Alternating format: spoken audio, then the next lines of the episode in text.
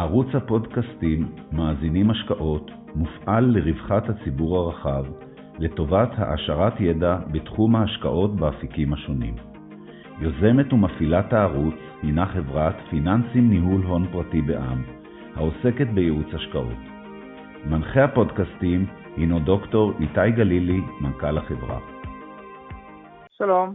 אהלן יגאל, תודה רבה שאתה מתפנה להשתתף בפודקאסט היום.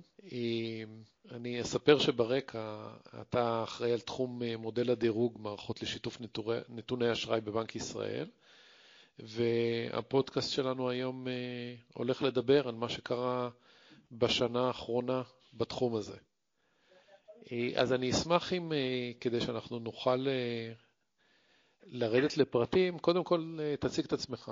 מה אתה עושה, מה הרקע שלך. אוקיי, okay, תודה רבה. אה, שמי יגאל מנשה, אני אה, דוקטור לכלכלה.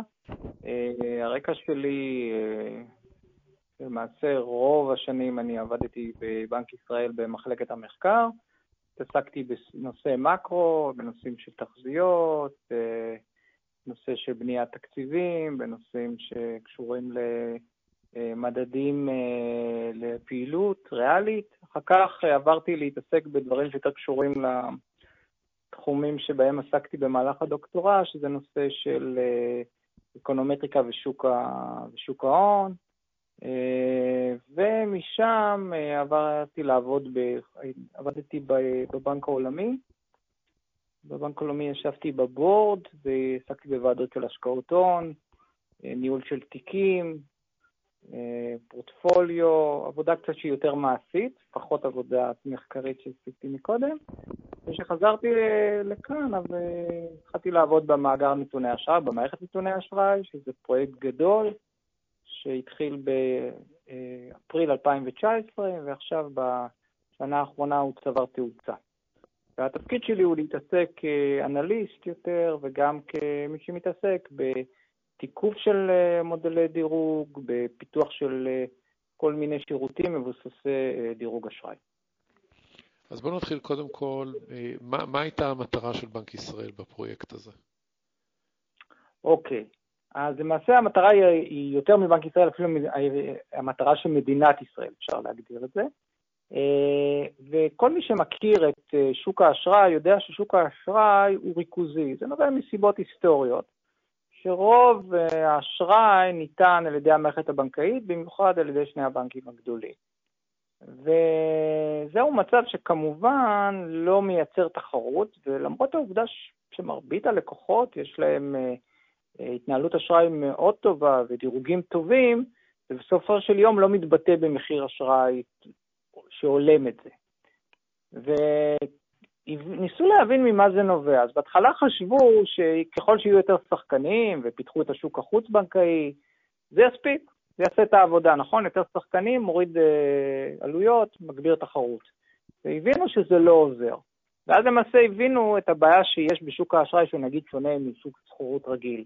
זה בעיית האסימטריה באינפורמציה. זאת אומרת, אותה בעיה ידועה, שרוב האנשים יש להם נגיד בנק אחד, חברת כרטיסי אשראי אחד או שניים, והם יודעים די הרבה עליך, על הלקוח, בעוד שהמתחרים הפוטנציאליים לא יודעים. ומאחר שהם לא יודעים, קשה מאוד לתמחר, נכון? כל המהלך שתתחיל להוכיח דברים מאוד מאוד קשה. ואז הם לא נותנים הצעות ערך שיכולות לתת, לאתגר את הצעות הערך של הבנק שבו אתה נמצא. הבנק יודע את זה, וגם הוא לא מוריד בהתאמה. לכן אנחנו תקועים עם איזושהי בעיה שלמעשה מה שאנחנו צריכים לעשות זה לפתור את הבעיה התשתית של האינפורמציה, לפתור את בעיית האסימטריה באינפורמציה בנותני אשראי שונים. אה, זה אחד התפקידים הכי חשובים של מערכת נתוני אשראי, שהרעיון הוא שבהינתן שלקוח מבקש לשתף את נתוני האשראי שלו, יהיה מערכת של נתוני אשראי מהימנה, שתחלוק את אותו מידע של אשראי על פני כל השחקנים. וכעת כל מה שיישאר זה לנסות להתחרות על לב הלקוח. אז זה למעשה צריך שייתנו את המידע. איך גורמים לזה שכולם ייתנו את המידע? אוקיי, אז בשביל לעשות את זה, זה מהלך שנבנה עם חשיבה. שלב הראשון, הבינו שלמעשה רוב המידע נמצא כרגע השחקנים הקיימים, הם נמצאים בידי הבנקים, חברות כרטיסי אשראי, וקצת גם אצל אה, שחקנים חוץ-בנקאיים, ולכן הטילו חובת דיווח על גופים גדולים, שיש להם מחזור מעל 250 מיליון שקל, ועוד חובות נוספות, מי שרוצה, על פי עקרון הדדיות, והתחילו לשמור את הדיווחים שלהם עוד ממאי 2016. כך שביום שעלו לאוויר, באפריל 2019 כבר הייתה היסטוריה, כי בלי היסטוריה אי אפשר לתת, לתת הערכה של הסיכון. אז דבר ראשון, נבנה המאגר, והוא נבנה בבנק ישראל. עכשיו, לא במקרה הוא נבנה בבנק ישראל, הייתה גם מאחורי זה חשיבה נוספת. אם מסתכלים בעולם, רואים שבדרך כלל מאגרי אשראי נמצאים בידי גורמים פרטיים, לשכות אשראי. אבל מהי הבעיה? הבעיה היא שלשכות אשראי אה, לאו דווקא חושבות רק על השיקולים שאמרתי לך עכשיו, קטנת עלויות ודברים, הן גם רוצות לסחור במידע, כי המידע גם שווה כסף. וזה דבר שהוא לא רצוי, כי אנחנו לא רוצים שאנשים יידחפו להשקעות אשראי אם אין צורך בהם, אנחנו רוצים שזה יהיה, בהחלט שיש צורך, אבל בצורה אה, יעילה ותחרותית. לכן אימצו כאן איזשהו מודל היברידי, שהמאגר של האשראי נמצא בידי גוף ציבורי, בנק ישראל, ואילו כל השימושים של האשראי, דירוגי האשראי ודוחות אשראי, דברים מתוחכמים יותר, יהיו בידי גופים שהם לשכות אשראי, שהם יהיו הגורם בתווך עם נותני האשראי. זאת אומרת, אין קשר ישיר בין בנק ישראל לנותני האשראי בצד של השימושיות. כמובן בצד של הדיווח יש, כי אותם גורמים גם מדווחים למאגר, אבל בצד של הפלט, לא בצד של הקלט, אין לנו קשר ישיר, הקשר הוא עובר דרך גורם של לשכות אשראי שהוא גוף פרטי, שאנחנו מפקחים עליו. אז נכון להיום אנחנו מבינים שרוב הציבור, זאת אומרת רוב הלווים, נמצאים כבר בתוך המאגר, ממקורות כלשהם. בהחלט. כל המדינה למעשה, למרות שיש זכות כמובן בעיקרון לא להיכלל במאגר, אבל בפועל אנשים לא עושים את זה כי זה לא כדאי.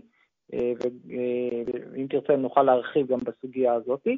אה, כל המדינה למעשה נמצאת במאגר, זה, היא לא כרגע מנצלת, אלא רק ביום שאתה רוצה לבקש אשראי כלקוח, ונותן האשראי מחליט שהוא רוצה את המידע, ולדעת נותן שהוא ירצה את זה, כי יש לו את כל האינטרס, ואתה מסכים לכך, אז עובר הזרם בחשמל, ואז יוצא הדוח, ואז יוצא הדירוג שהלשכה מקבלת, ואז אה, מתחיל התהליך של החיתום למעשה. בוא ניגע רגע בסוגיה הזאת שמישהו לא מעוניין שהמידע יהיה, okay. אוקיי. יהיה ציבורי. אה, בהחלט, אז מכיוון שהחוק הזה... למה זה לא כדאי לו? אוקיי, קודם, כל אני רוצה... כן, סליחה. החוק הזה נעשה, אה, זה חוק שמוביל אותו משרד המשפטים, לכן יש בו דגש רב על נושא של זכויות פרטיות וזכויות הלקוח, זה חשוב לציין. עכשיו, מדוע, אה, אה, מה הרעיון? הרעיון הוא ככה, קודם כל אמרנו שתמיד כשרוצים להוציא דוח ודירוג, חייבים להשיג הסכמה של הלקוח. זה רמה אחת של הגנה. אין הסכמה, לא יצא כוח. אבל יכול להיות שאדם יבוא ויגיד, תשמע, בלי קשר לעסקת אשראי ספציפית, אני לא רוצה בכלל שיצא ממני משהו. הוא יכול להגיד את זה. אז, אז, אה, אז במצב כזה, הוא יכול לבקש מה שנקרא, אמ, מה שנקרא אי הכללה, הוא יכול לבוא ולהגיד, תשמעו, אני לא רוצה להיות במאגר. עד שאני לא אגיד אחרת, לא רוצה להיות במאגר. אנחנו לא ממליצים על זה, למה? כי אם אדם יעשה את הדבר הזה, והוא לא יהיה באי הכללה, אז ב- ביום שהוא ירצה לחזור, ביום שהוא ירצה לחזור, כן? אז מה יקרה? לא יהיה אליו היסטוריה, ובהנחה שהוא לקוח טוב, ואין סיבה שהוא לא לקוח טוב, אז למעשה הוא מאבד. כלומר, הוא אולי חושב באותו רגע משהו יותר חשוב לו מבחינת פרטיות, שאין סיבה, כמו שאמרתי, אבל נניח הוא רוצה להיות יותר אה, קפדן, אבל הוא ישלם על זה במחיר אחר. אפשרות אחרת שאנחנו מאפשרים, אפשרות אמצעית, זה נקראת אי מסירה. מה זה אי מסירה? אתה נמצא בתוך המאגר, אבל אתה אומר, מראש אני פונה לבנק ישראל ואני אומר, אל תמסרו לי את הנתונים שלי לאף נותן אשראי, אלא אם כן אני אעשה פעולת אה, שינוי בהחלטה הזאת. כלומר, אפשר להגיד, זה מעין אי מסירת על כזאת, ולא אי מסירה ספציפית אה, אה, ש, אה, ש, שקיימת בכל עסקה ועסקה. אז, אז למעשה בנינו מספר רמות שנועדה לשמר למי שנגיד יותר חרד לענייני פרטיות, אה, אבל בפועל, כל הרמות שאנחנו מסתכלים, רוב האנשים לא, לא משתמשים באופציית אי-הכללה, משום ששוב, זה לא נותן להם כלום. אגב, אם אתה חושב אולי על אנשים עם בעיות מאוד מאוד קשות, נגיד אנשים שיש להם תיקים והם פושטי רגל, ואנשים עם בעיות מאוד קשות, לכאורה להם היה את התמריץ הגדול ביותר לעשות אי הכללה, נכון? כי הם רוצים להסתיר את זה, אבל הם לא יכולים לעשות את זה. זאת אומרת, מי שיש לו מידע שלילי כזה מובהק, לא יכול. לא יכול להסתיר את זה. מה עובר הגבול של איך מחליטים מי, מי יכול ומי לא יכול? אז יש, זה ממש כתוב בתקנות מאוד מסודרות, והקריטריונים הם שקופים לכולם, מהם הפרמטרים המדויקים ולכמה זמן אה, קבוצת האנשים שעומדת בסביבה הזאת היא מובהקת באופן שלילי, כך שאי אפשר, הם לא יכולים לבצע אי הכללה. זאת אומרת, זה דבר ידוע, זה לא דבר uh, שנעשה במחשכים חלילה, הכל שקוף. אוקיי, okay. אז, אז עכשיו אנחנו מניחים שהרוב המכריע של הציבור נמצא בתוך המאגר מידע ששמור בתוך בנק ישראל. מה התפקיד של לשכות האשראי? יפה. אז הרעיון הוא כזה, ברגע שהמאגר קיים, אה, צריך להעביר את הנתונים האלה כמובן לנותני האשראי. עכשיו, לא מספיק רק להעביר את הנתונים האלה באופן רגיל, אלא גם צריך לעשות דירוג אשראי. כי דירוג אשראי הוא נתונים שהם יותר מתוחכמים, מה הם עושים? לוקחים את כל המידע, ובסוף מתמצתים אותו לכדי מספר או לידי הסתברות של אותו נותן אשראי ידע שהלקוח שלקח ממנו את ההלוואה יחזיר את ההלוואה בזמן. אוקיי? זה מידע מאוד מאוד חשוב, שהוא יוכל לפי זה להעריך את הסיכונים שלו. עכשיו, זה דבר שלא נראה לי נכון ולא מקובל, ואני לא מכיר מדינה שגורם ציבורי כמו בנק ישראל יתחיל לדרג אנשים. זה לא נכון, כן? אפילו אם יש לנו את היכולות ויש אנשים שמסוגלים לעשות את זה, זה לא נכון. זה דבר שצריך לעשות על ידי גורם פרטי, שיפוקח על ידי גורם ציבורי, שזה בנק ישראל, שזה לפחות התפקיד שלי ושל האחרים.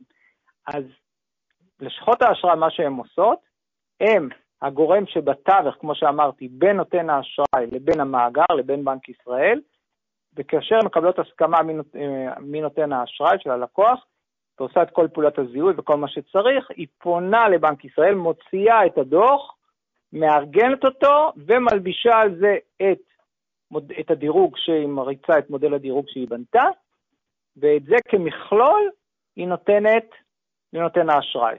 בנוסף, היא מבצעת שירותים נוספים, ששוב, הם גם מבוססי דירוג ומבצע הערכת סיכון. למשל, ניטור. מה זה ניטור? אם מישהו כבר, יש לו, הוא לקוח קיים, ורוצים לבדוק um, שינויים שקורים לו. כי כל שינוי כזה יכול להשפיע על הערכת הסיכון שלו לאבא, עבור נותן האשראי. זה עושה גם את השירות הזה. Uh, תפקיד נוסף, זה, תיארתי עד עכשיו ערוץ אחד, שזה ערוץ שהלשכות עובדות אל מול נותני האשראי, uh, אפרופו עסקאות אשראי. אבל ללשכות יש להן תפקיד נוסף שהן גם מייצגות את הלקוח. לכן הן נותנות מה שנקרא אה, ייעוץ פיננסי בתחום האשראי ללקוח. איך הן עושות את זה? יכול הלקוח לפנות ללשכה ולהוציא גם עבור עצמו דוח. דוח שהוא מאוד דומה לדוח האשראי, רק שהוא לא קשור לעסקת אשראי. סתם, הוא רוצה לדעת. ואז הוא יכול גם לקבל דירוג עבור עצמו, אותו דירוג מאותו מודל, רק עכשיו הוא מקבל את זה ישירות אל עצמו, וכעת הוא מקבל נתונים בדירוג, מה הדברים שהוא צריך להשתפר, או מה הדברים שהם נקודות החוזק, ולפי זה הוא יכול לבוא יותר מוכן לעסקת האשראי בעתיד. זאת אומרת, נגיד שהדירוג שלו לא מספיק גבוה כדי לקבל איזושהי הלוואה בתנאים טובים, אז הוא אומר, אוקיי, בוא, אני רוצה להתקדם קצת במעלה הדירוג, בוא נבנה תוכנית, או בואו אני אלמד מכם כלשכה שנותנת לי ייעוץ, ואז אחרי שהוא משתפר, רק אז הוא הולך לעסקת האשראי, ואז סביר להניח שהוא יקבל תנאים טובים יותר, כי הוא עשה כבר איזה מהלך בזמן הזה. מה, איך אופן הדירוג, מה הטרמינולוגיה? אנחנו מכירים בארה"ב שיש איזשהו מספר שמקבל אזרח אמריקאי, בשוק האגרות חוב יש דירוגים שאנחנו מכירים, double A, triple A, מה הטרמינולוגיה פה? זה מאוד דומה לדירוגי אשראי שקיימים גם בארצות הברית וגם באירופה באשראי הצרכני, כלומר זה לא triple A, אבל זה מספרים שהם תנאים, זה תלוי בסקלות השונות ובלשכות השונות, אבל מספרים הם אה, שלוש ספרות, בסדר, זה יכול לנוע בין 300 ל-850, מקביל למודל FICO שקיים בארצות הברית או בכל העולם, זה יכול לנוע נגיד בין 0 ל-1000 בלשכה אחרת, אה, כאשר כמובן ככל שהדירוג גבוה יותר, זה אומר שההסתברות, מאחורי זה עומד איזושהי הסתברות, ההסתברות שתחזיר את ההלוואה במועד שקבוע בחוזה או בחוזה ההלוואה, הוא גבוה, היא גבוהה יותר. ואז ברור שאתה צריך להיות מתוגמל במחיר אשראי נמוך יותר, כי נותן האשראי יודע שיש סיכוי טוב יותר שהוא יקבל חזרה את הכסף שלו. אה, כמה לשכות אשראי יש היום? יש כרגע, בעיקרון יש שלוש לשכות, אבל למעשה שתי לשכות הן מאוד פעילות, לשכה אחת היא פחות פעילה, אה, והלשכות הן BDA קופס ו-DNB. ואני מניח שרמת הזהות בדירוגים היא די קרובה. אני... כן, זה חלק מהעבודה שאנחנו צריכים, אה, הרי אנחנו רואים את המכלול, את כל הלשכות, ואנחנו צריכים לוודא שבסך הכל ברמת המקרו, כמובן יכול להיות הבדל בין אדם לאדם, ברמת המקרו מספרים את אותו סיפור, בהינתן שהם מחפשים את אותו, אה, אותו הגדרת כשל, כן? אז הם מחפש, מספרים את אותו סיפור בהינתן לאותה הגדרה, אה, זה חייב להיות, כי הם סך הכל הם דוגמים מאותו, אה, הם לוקחים מאותו אה, מאגר באותה נקודת זמן, כן? כן, זה לא, לא סביר שלשכה אחת תיתן ציון נמוך ואחת תיתן ציון גבוה. יכול להיות, כמובן, ברמת, ה, ברמת הפר, הלקוח הבודד זה יכול להיות, כי לא בהכרח זה אותם משתנים ולא בהכרח אותם פרמטרים. אבל כשמסתכלים על התפלגויות של קבוצות דירוג, כן, זה צריך לספר את אותו סיפור. אנחנו הבנו שהפעילות החלה ב-2019 ויש התקדמות משמעותית בשנה האחרונה. מה קרה נכון. בשנה האחרונה? אז uh, צריך לזכור שבניגוד לארצות הברית, בישראל דירוגי אשראי זה דבר חדש. בארצות הברית ובהרבה מדינות זה התחיל עוד בשנות ה-60. ולכן הבנקים ונותני אשראי אחרים פיתחו עם הזמן כמובן מודלים שבכלל לא קשורים לעולם מודלי הדירוג של הלשכות. אה, כעת הם צריכים עכשיו להיחשף למאגר, להיחשף לדוחות האשראי, להיחשף לדירוגים של הלשכות ולדעת איך להטמיע את זה בניהול הסיכונים שלהם. זה תהליך שלוקח זמן. צריכים לראות בדיוק מה זה מוסיף להם, מה, מה זה משלים, מה זה תחליפי. כל אחד עם התיאבון שלו, כל אחד עם ניהול הסיכון שלו, זה שונה מלקוח קיים ללקוח חדש.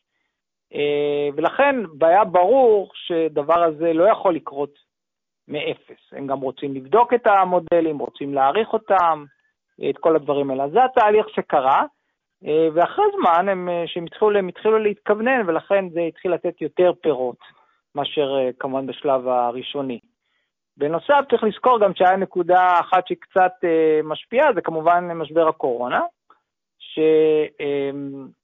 שאומנם ההשפעות שלו הן לא כל כך גדולות כפי שאנחנו רואים, אבל עדיין סוג של משבר שמכניס אה, תקופה ואי-ודאות ורצים לבדוק מה המשמעויות של חלק מהצעדים, וזה תמיד מוסיף יותר חששות, כמובן לאמץ דבר חדש, ואתה צריך יותר לבדוק את הדברים יותר בשבע עיניים. יש לכם, אני מניח שבסופו של דבר המטרה היא לצמצם את מרווחי אשראי. זה בסוף מבחן, זה, זה... נכון. זאת המטרה הסופית. איך אתם יכולים לאמוד שהכלי הזה הוא זה שמשפיע? אוקיי, אה, זו שאלה טובה מאוד. אז מה שקורה כחלק מהחוק, אה, ניתן לנו, לבנק ישראל, גם במובן הרחב יותר, לגופים שבתוך המחלקה, אה, למחקר, ניתנת אפשרות לעקוב אחרי התוצאות ולעשות בדיקות ומחקרים שמנסים להראות האם באמת אותם מרווחים והאם יש מדדים של תחרותיות שפר או פחות ריכוזיות. וזה בדיוק התהליך שאנחנו מבצעים. אז יש כבר כמה אינדיקציות ראשוניות שמראים ניצנים של דברים מסוימים, זה עדיין ראשוני, אנחנו כבר לא עשינו את כל הדרך, כמו שאמרנו, גם נכנסה הקורונה שהיא מאתגרת, לא מאפשרת uh, לקבל אולי את מלוא האפקט, וגם בכל זאת אנחנו רק שנתיים וקצת מאז שעלינו לאוויר, אז uh, זה עדיין ניצנים, אבל בהחלט יש ניצנים uh, מסוימים שמראים שקצת קטן המרווח, אנחנו צריכים גם לברר האם הקטנה של המרווח היא באמת נובעת מזה או נובעת מתהליכים אחרים, שאפשר לטעון שקרו במקביל, למשל, אה, יציאה של חברות כרטיסי אשראי מבעלות של הבנקים ודברים מהסוג הזה, אז צריך לעשות את העבודה היותר מדויקת כדי להגיד מה בדיוק עשה את ההבדל, אה, אבל בהחלט יש גם עוד ניצנים ממחקרים אחרים שמראים שמתחיל להיות השפעה. ויש לכם אינדיקציות ל... לרצ... לרצון של הציבור בצורה ישירה לגשת אליכם ולעשות פעולה אקטיבית כדי ללמוד את, ה... את הדוח אה, נתונים שלו, הרצון שלו כן. לשתף פעולה. זאת אומרת, אני שואל את זה בהקשר כי אנחנו מכירים היטב את הבעיות שיש בתחום של חינוך פיננסי. שזה נכון. עולם אחר, אבל אנחנו רואים את החוסר, למרות שמעמידים הרבה מאוד כלים, אה, אין הרבה מאוד שיתוף פעולה ללמוד דברים בסיסיים בתחום של אה, שוק ההון, השקעות, דברים כאלה. אז איך פה, בעולם הזה? אז אני מסכים שזה באמת האתגר היותר מורכב, כי um, זה מאוד לא פשוט להסביר את זה. אז באמת פה בנושא הזה לאחרונה יש ניסיון, יש חשיבה גם תקשורתית, גם הסברתית, אמ, וגם לעבוד יחד עם הלשכות כמובן, שהם גם כלים בנושא הזה, אה, להעצים את הנושא של הדירוג, להעצים את הנושא של המאגר, להעצים את הנושא של הזכויות. אפשר לראות דברים, קצת יותר כניסות, קצת יותר משיכות של דוחות, אבל זה עדיין לא הגענו, אנחנו רחוקים. בעניין הזה יש עוד הרבה מה לעשות. אה, זה, זה לא פשוט, זה לא פשוט. אה, אז אולי אנחנו, אנחנו... נסביר, בוא נסביר אנחנו למי שלא מכיר ורוצה לפנות לבנק ישראל כדי ללמוד על עצמו. איך הוא עושה את זה ומה הנתונים שהוא יקבל? אוקיי, אז, אז, זה פשוט. יש מאגר, אה, מערכת נתוני אשראי, אפשר לכתוב את זה בגוגל או בכל אה, מנוע חיפוש, ואפשר להגיע אה, למערכת, אפשר ללמוד שם הרבה מידע. על אה, השחקנים, על מי משתתף, וגם על המוצרים השונים. אז uh, המוצר, המוצר הדגל, או המוצר הכי חשוב שאפשר לקבל, היא דוח שנקרא דוח ריכוז נתונים.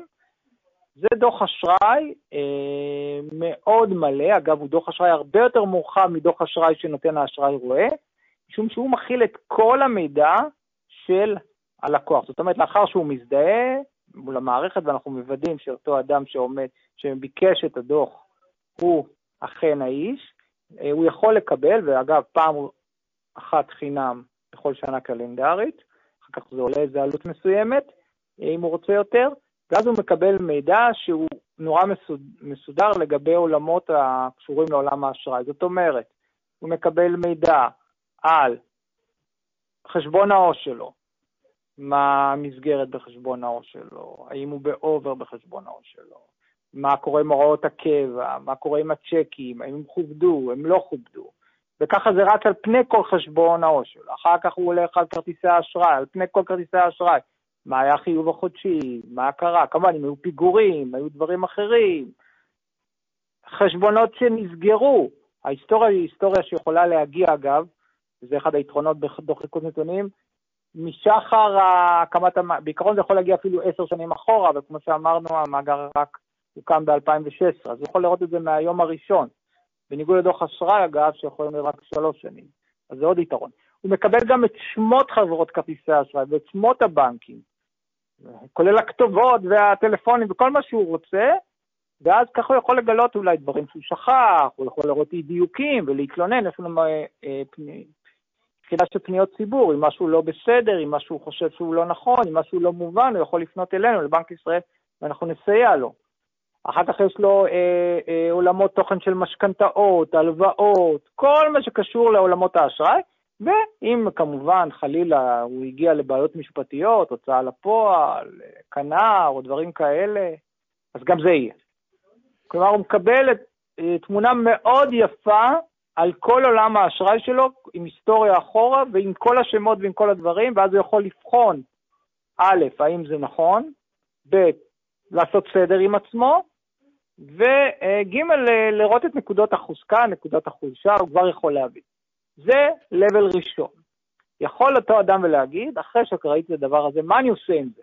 מה אני עושה עם זה? זה אולי אני לא כל כך מבין, לא רוצה להתייעץ, אז הוא יכול לפנות ליועצים, הוא יכול לפנות ללשכה. ואז הוא למעשה פונה ללשכה ואומר, אוקיי, אה, אני רוצה עזרה. ואז אם הוא פונה ללשכה, הוא גם יכול לקבל את הדירוג, ששוב, הלשכה היא זו שמייצרת את הדירוג, ואז הוא לא רק מקבל את הדוח הזה שאמרתי קודם, הוא מקבל דירוג. והדירוג לוקח את כל הנתונים האלה מהדוח ובונה לו מספר, ומראה לו מה מיקומו היחסי, ומראה לו מה הנקודות חוזקה, ומראה לו מה הנקודות הטובות שלו. ואז הוא גם יכול או לבד, או בעזרת יועצים שעובדים על לשכה, או יועצים שמקרים מיופה כוח בתמורה, שגם אפשר לעבוד אותם בכיוון אחר, הוא יכול עם כל אלה לעשות מהלך, שוב, לשפר את מצבו, להתחזק, לעשות מהלכים שיעמידו אותו במקום טוב יותר.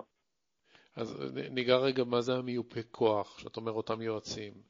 אה, זה בסגנון של יועצי כלכלת משפחה, זה אנשים עם רקע כלכלי, או, או שזה יכול להיות כל אחד מיופה כוח?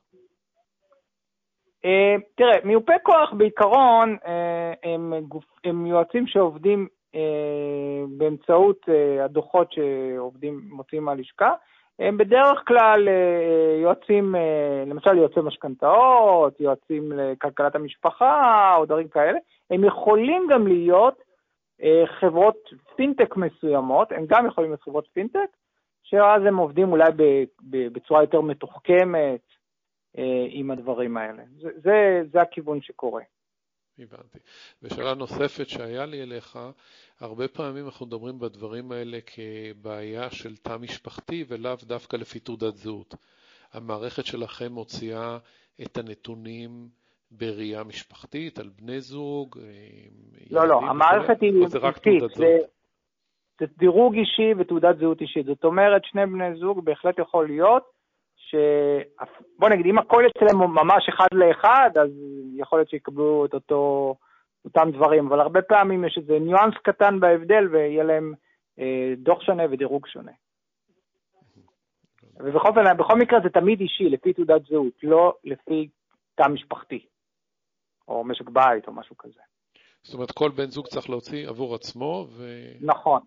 אפשרות נכון. שאחד יוציא עבור בני המשפחה. אלא כל אחד לא, אין אפשרות, לא, ודאי שלא. גם הזיהוי הוא חייב להיות אה, מטעם עצמו, אלא אם כן יש לו איזה ייפוי כוח או משהו, מקרים מאוד נדירים, אני יודע.